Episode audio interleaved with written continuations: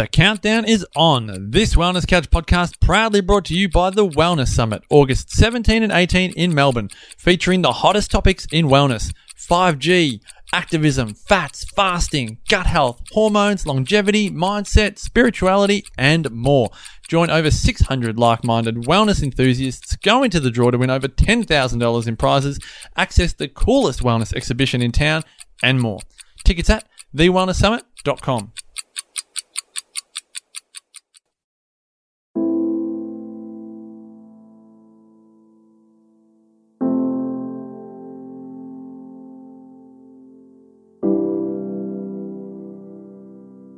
Welcome to Nourishing the Mother, where inspired women talk about the journey of motherhood through the common thread of parenting, relationship, and sexuality as a path to consciousness.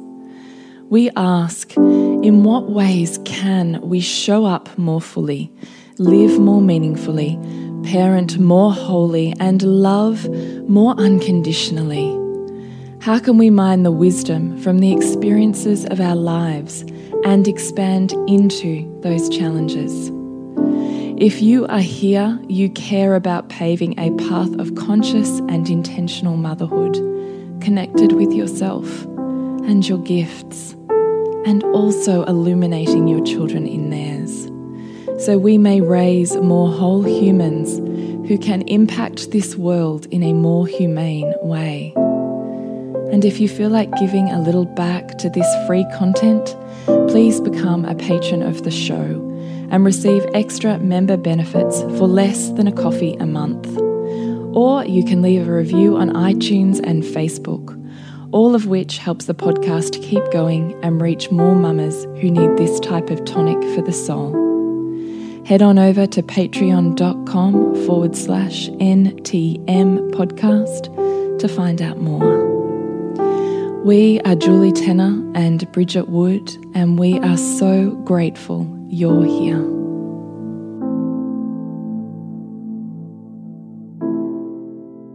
Hello and welcome to Nourishing the Mother. I'm Bridget Wood. And I'm Julie Tenner. And today's podcast is newborn. Whoa.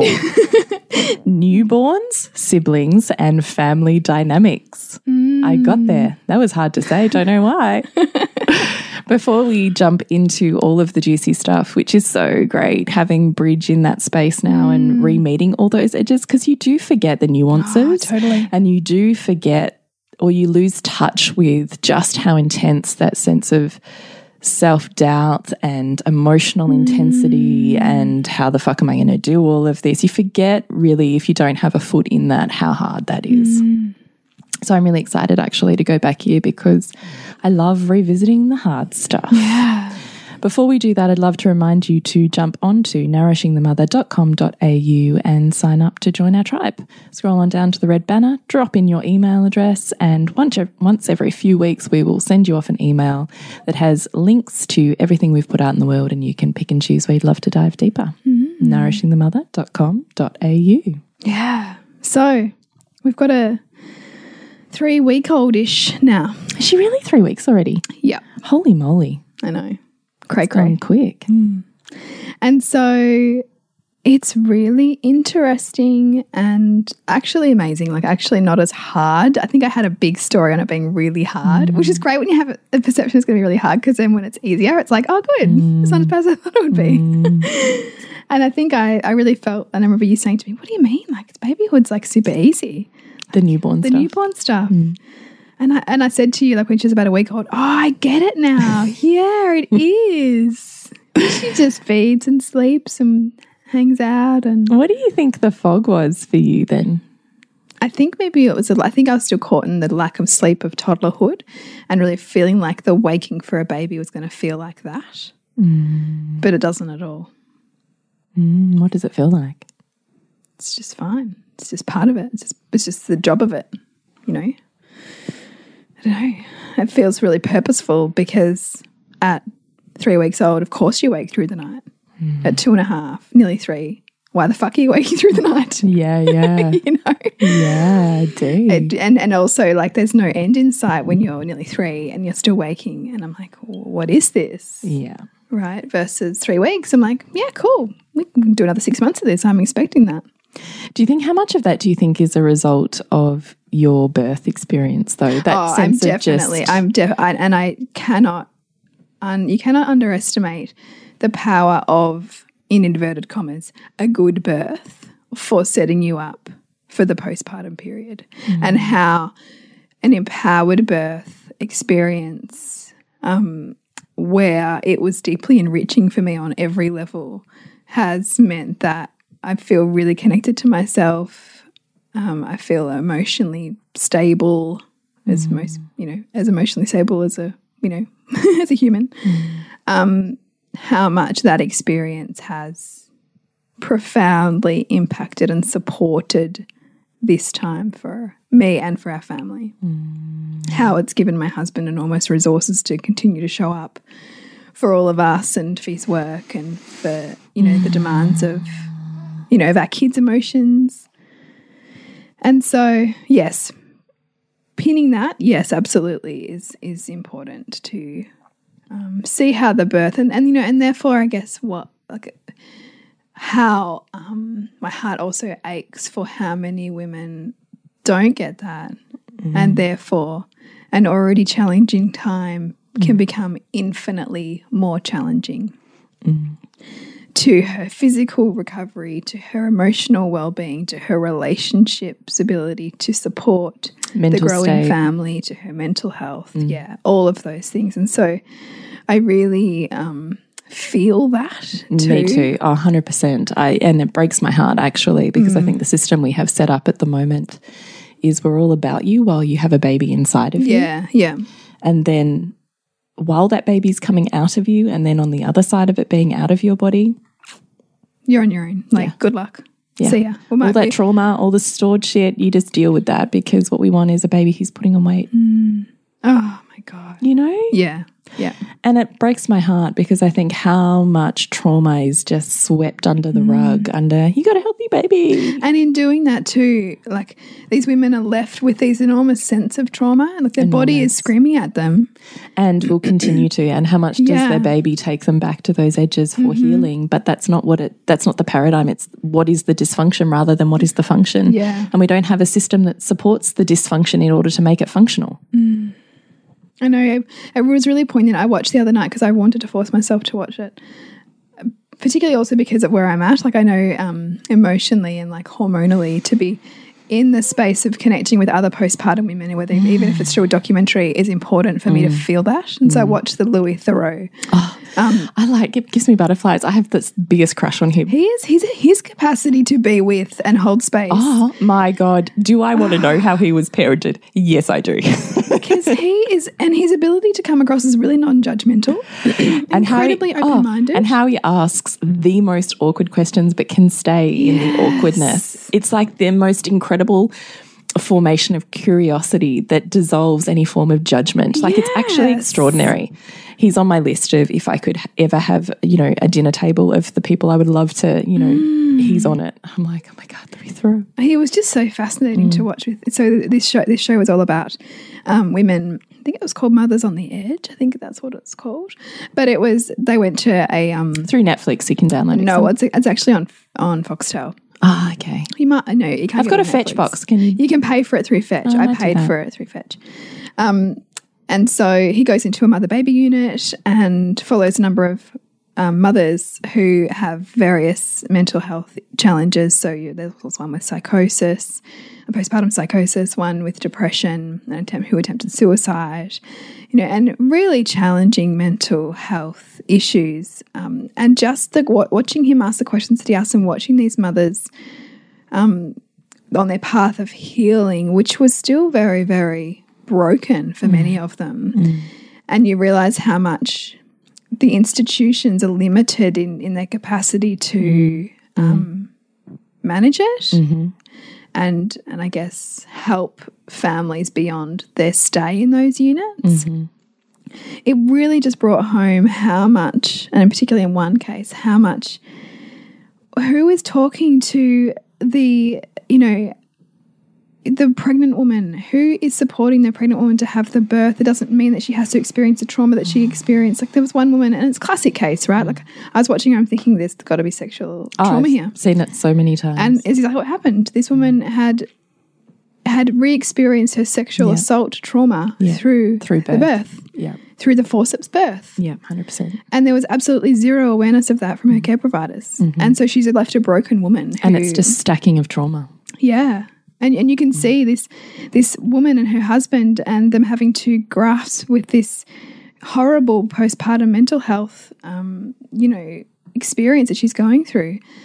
And this baby that she can't bond with and this body that she can't even appreciate anymore or connect to because she's completely wounded from her birth experience and and I just I wanted to scream at the TV and scream at the system and scream at it all because it just made me so angry And sad. It makes me so sad. desperately sad. You These women that are just kind of left off the cliff. Yeah. And scrambling and and then Yeah. they're going and reinforcing their trauma and their sense of downward spiral by going and looking at all of these pinnacles of motherhood on Instagram of, of how they're supposed to be and how they're Yeah. supposed to recover. Yeah. So I really want to make sure that I've said enough to that that yes, this is my experience right now and that I'm feeling good about my postpartum experience, but I know that that is not the case for a lot of women. For the vast majority, I would say. Yeah, absolutely. And and in fact, even my my postpartum experience, we were talking about this before we recorded, was you know every newborn, every child, even if you've done this before, you're still reparenting yourself, and you're mm. still taking yourself back to any mm-hmm. Mm-hmm. any stored trauma of Yeah. your previous children. Yeah. Whether you know, like Yeah, so- because I'd said to you, this was like PTSD. Yeah. Which I'm sure I've said in one of the baby sleep podcasts. Podcasts, I'm yes. sure it was one of those. I think it was. Because I think it was when I was in the newborn phase or the early parenting phase of my number four. And I had said to you, I need a cot sleeper and a pram sleeper. And I've not had one really. I know. Well, I mean, Lola was a cot sleeper, but not a pram sleeper. And I need one because I need all to get all this shit done. yeah, And so, by virtue of that, I had to readdress how I was approaching sleep and all of the beliefs that I had in the way. And one of the really big things that I really totally understood in my psychology and in my body was the amount of post traumatic stress mm. I was holding from all of those intense parenting phases with particularly I always got flashbacks to my firstborn which I mm. always think we're so left. And social media kind of wasn't the thing 13 years ago that Yeah. it is now and I was the first one of all of my friends to have children so I had no tribe all I had was, you know, the shitty system, really.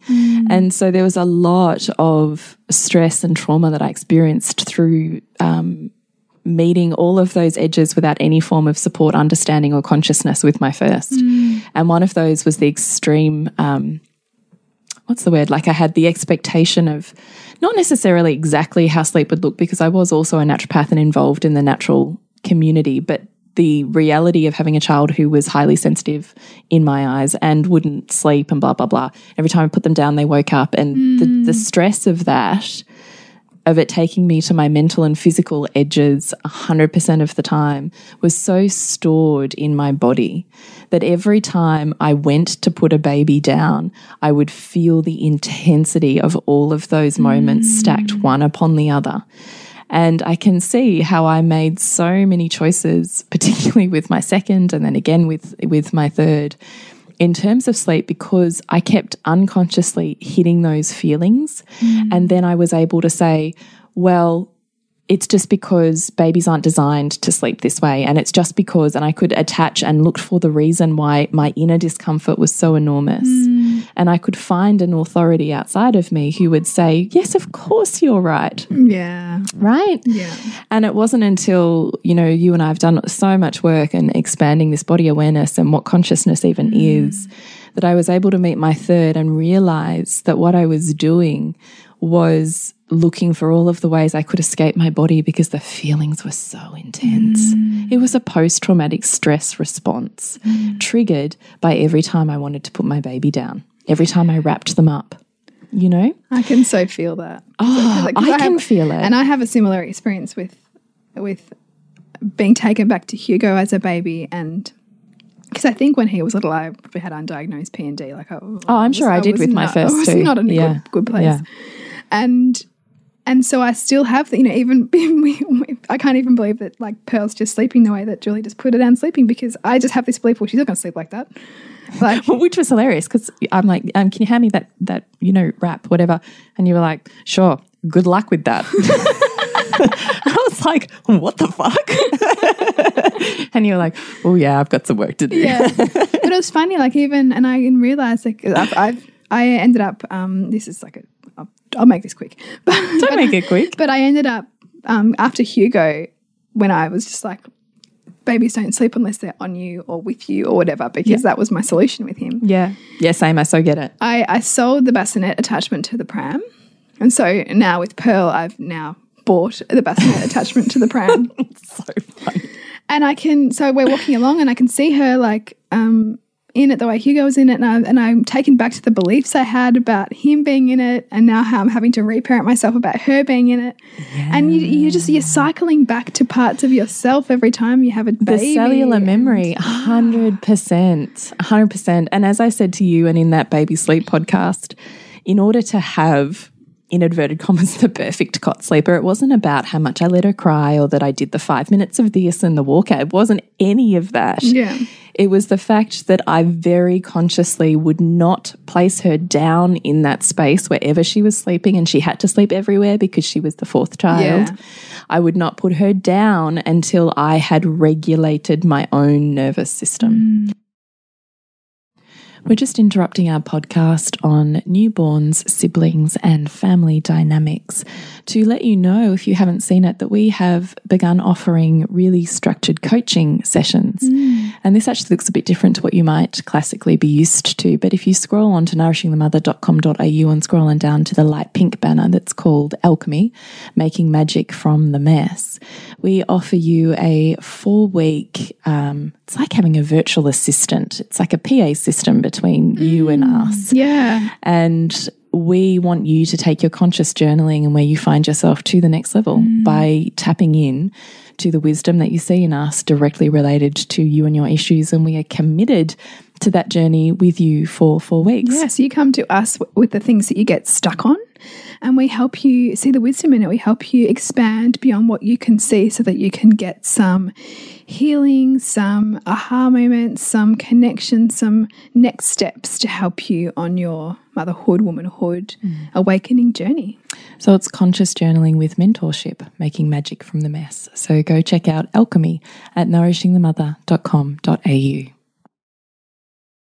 Because I was in a trauma response, Yeah. She's you're- plugging into my nervous Yeah. system. And therefore, whatever, because I'm her environment, I'm her soup, Mm. and she is the product of her environment. And Mm-hmm. particularly when she's as close and feeding literally from me. And you know, also when they're babies, like their awareness is completely open. That's also why they get so overstimulated because they can't filter stuff. So your nervous system and your feelings of heightened anxiety that that's what that's what they're plugging into. So they're almost going, oh, okay, that's that's what we're doing. That's what we're doing. Okay, I'll I'll respond that way because Yeah. that's what you're expecting me to respond in. yeah, 100%. So you had to work on your own. I had to do my own. Exactly. And because I knew I was processing and my body was trying to heal. I mean, Mm. every time I'm hitting a trauma in my body, it's trying to heal. My body Yeah. Mm. is still trying to work for me. It's not working against me because I feel all these things and therefore I need to control my environment so that I'm not triggered by all of these things.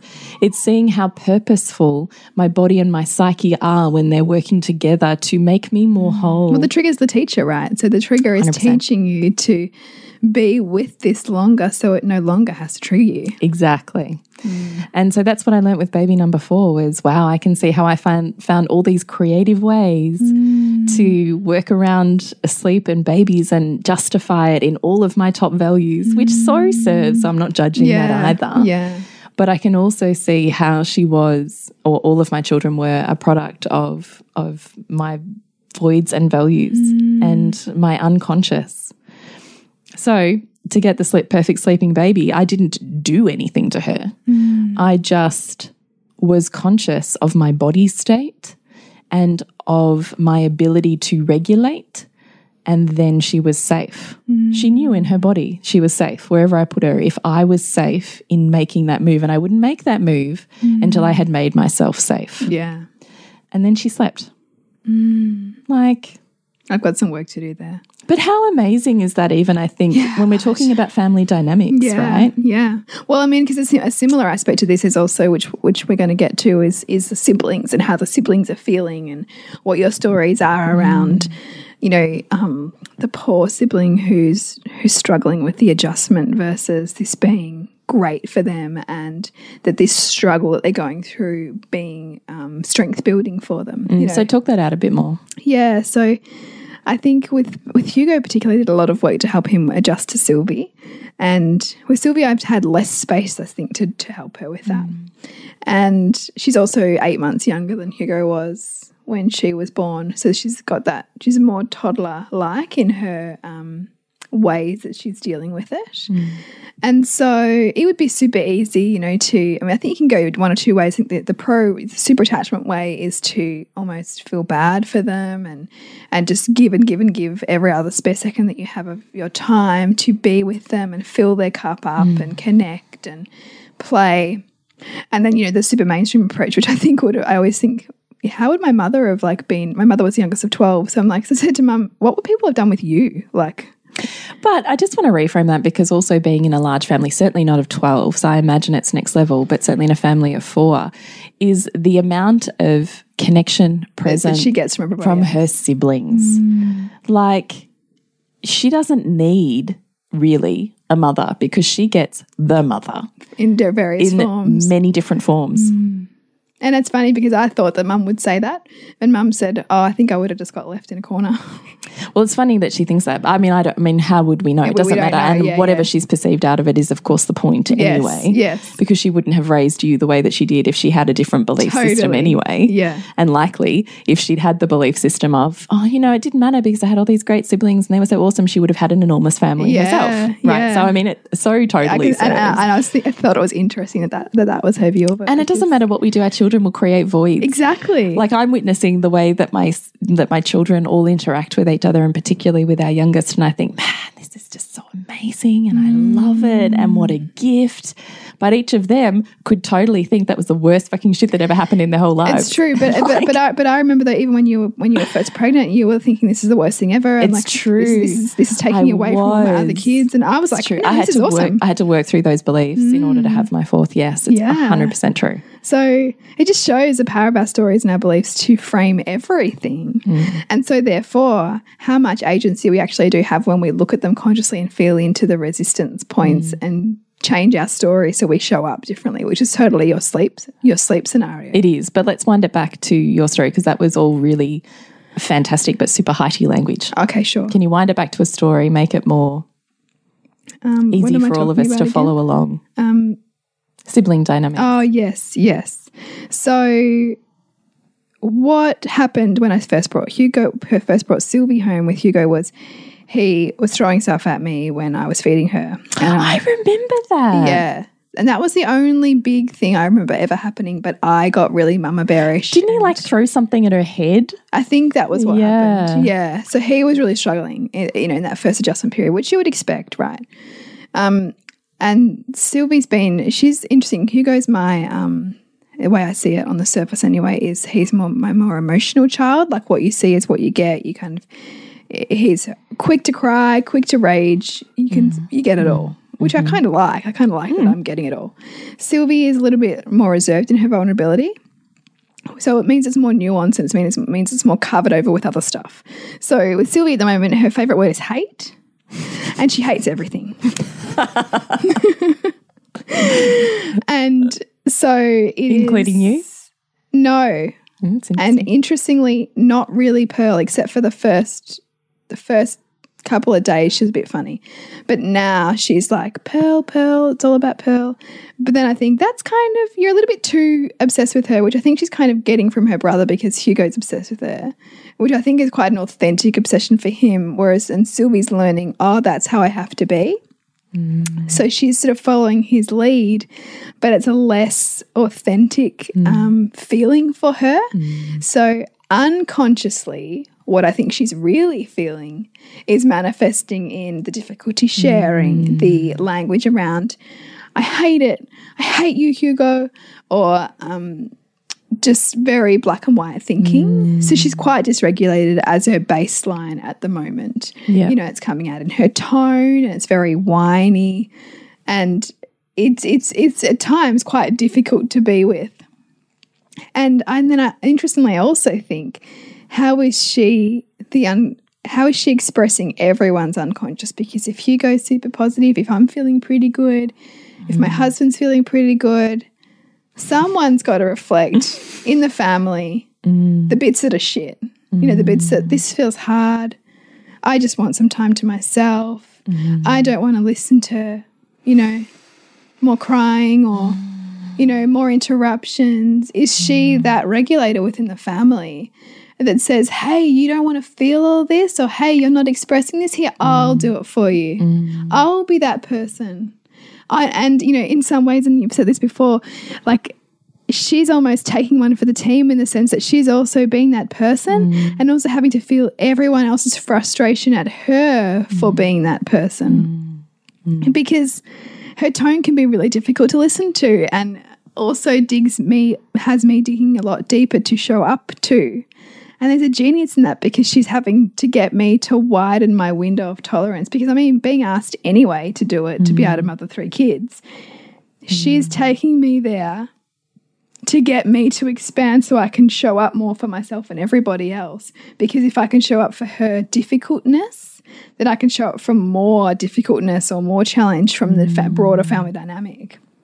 So it's super interesting to me to notice it's bigger than just her and her behavior and and her challenge. It's actually how is she serving our family in this? Mm. How is she expressing what's being repressed in the dynamic? And I'm really interested to. I'm going to have some a bit of a date night with my husband coming up, and I'm interested to once we reconnect because it's kind of been a um, divide and conquer approach mm. so far.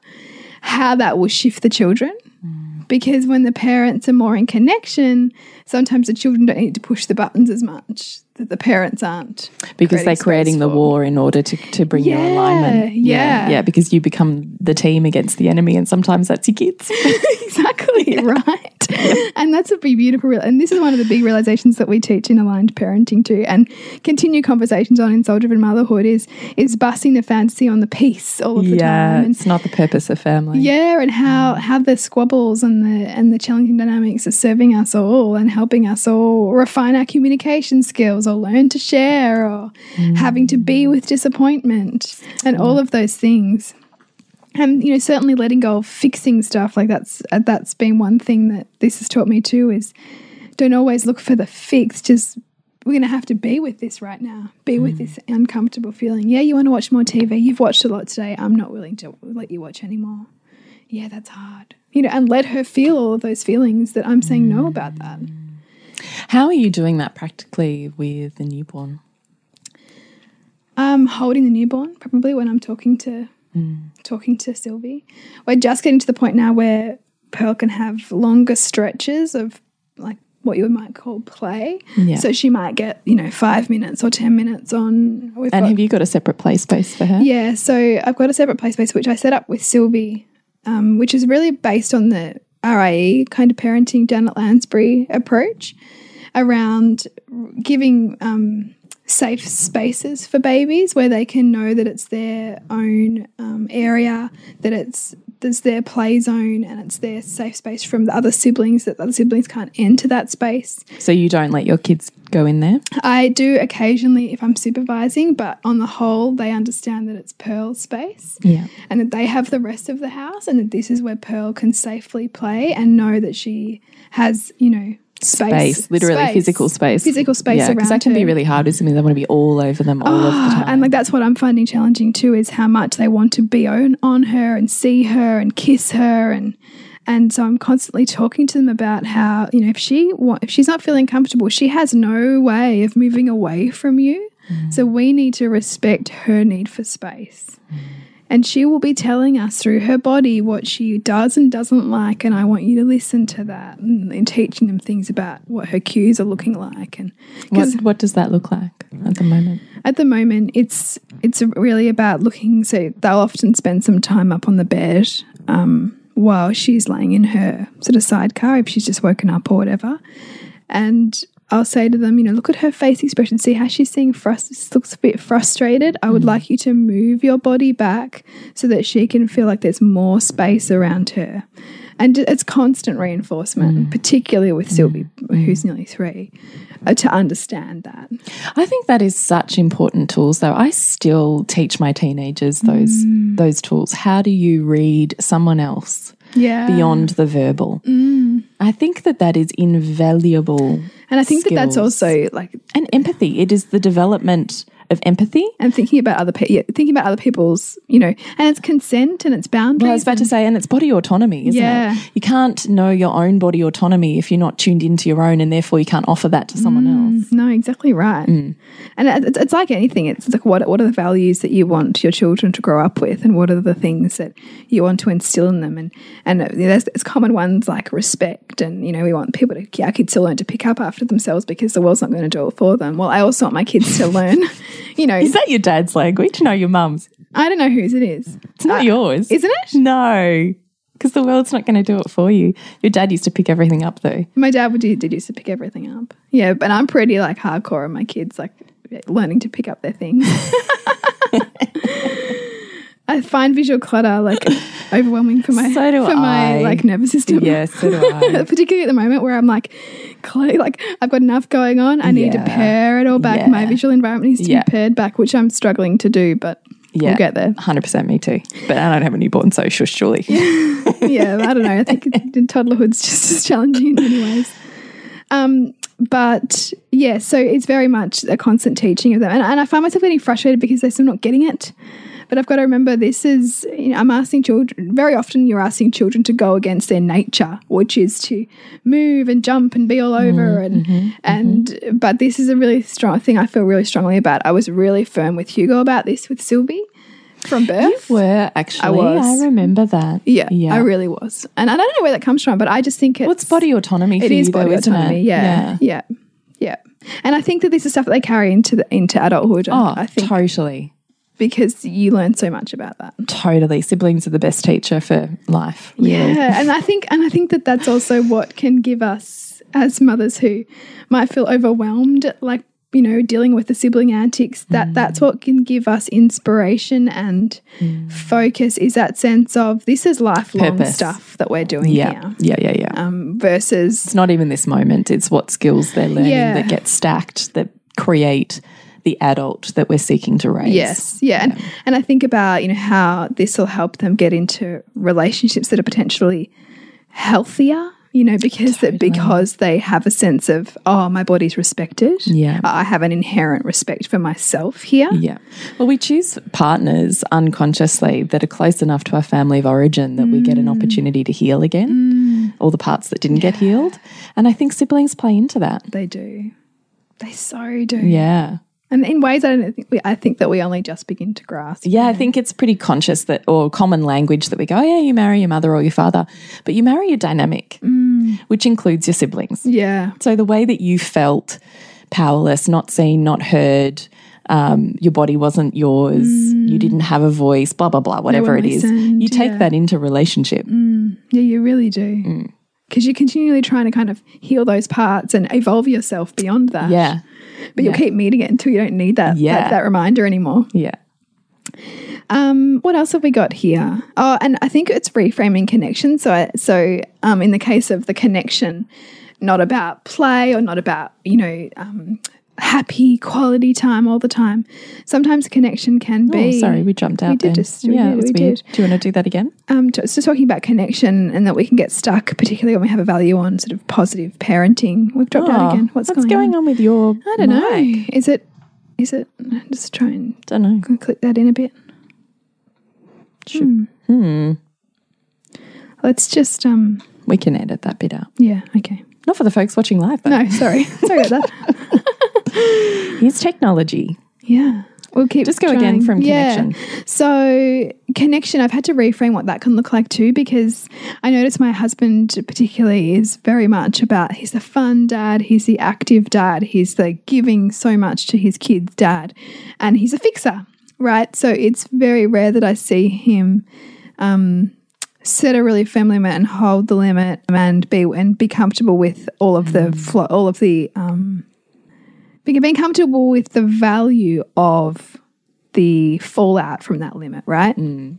Because you know we, we have to anchor into that and see purpose Well, we have to, in that. yeah, and regulate our own nervous Yeah. systems. Yeah, rather than need to fix it in order to, for it to go away. That's right. Mm. And so for me, reframing connection because connection can't look like it looks when I have more independence and not having a newborn on me all the time or with me all of the time.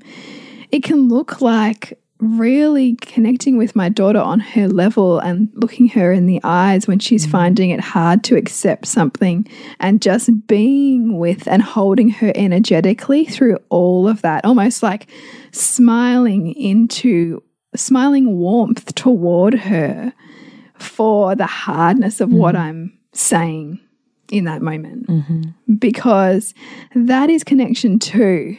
And we can very often forget that that is sometimes the connection that our kids are yearning for is to be safely held when they are losing it.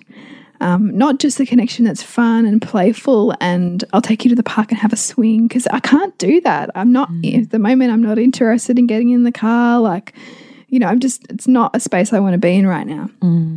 And so I'm having to say no to some things that she really wants. And and mm-hmm. that's hard for her.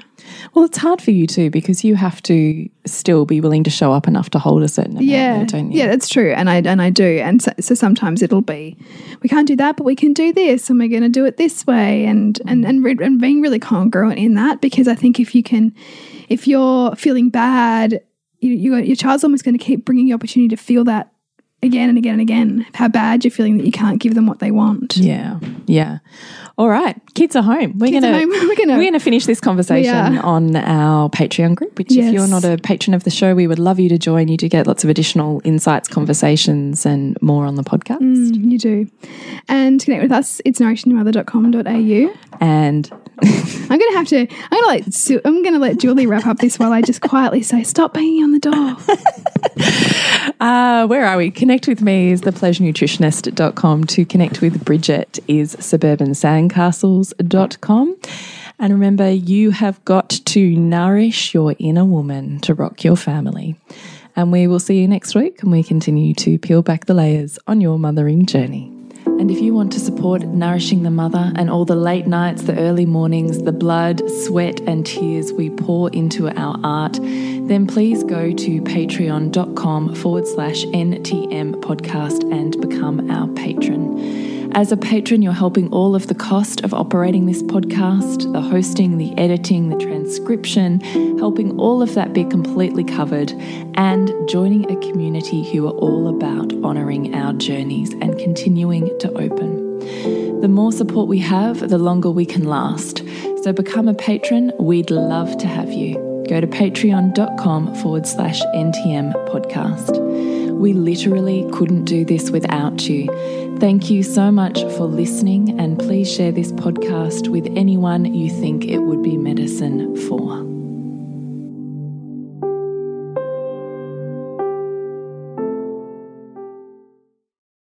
The 2019 Wellness Summit is almost here. I love being at these events. They're always such a great, positive environment. It's been really great to um, listen to like-minded people and to um, meet a few people actually. I've been to every summit and I've been to every one and I'll always keep coming. It's always inspiring. It's been a real eye eye opener. We're actually signed up to go to the breakthrough now. It's very motivating. I think it's great to listen to people who are inspired. And there's always something to learn and something to take away. I think uh, for myself and giving myself that um, opportunity to, to learn. There's so much going on in life and everything that you can get distracted and forget the things that you should be doing. And this always reminds you to get back on track and, and um, to focus on the things that are important, a holistic health. Just do it, yeah. Just yeah, suck it up and do it. It's uh, it could be life changing, yeah. I would say it's awesome and it's the start of changing your life. Come along, see what it's about, and enjoy it. It's an amazing event with like-minded, positive people, and you can't help but um, walk away feeling great. Positive Mentor presents the 2019 Wellness Summit, August 17 and 18 in Melbourne. Can you afford to miss out? Tickets at thewellnesssummit.com. This has been a production of TheWellnessCouch.com. Check us out on Facebook and join in the conversation on Facebook.com forward slash The Wellness Couch. Subscribe to each show on iTunes and check us out on Twitter. The Wellness Couch, streaming wellness into your lives. Whilst the Wellness Couch presenter endeavor to provide accurate and helpful information to their listeners, these podcasts cannot take into account individual circumstances and are not intended to be a substitute for health and medical advice from a qualified health professional. You should always seek the advice of a qualified health professional before acting on any of the information provided by any of the Wellness Couch podcasts.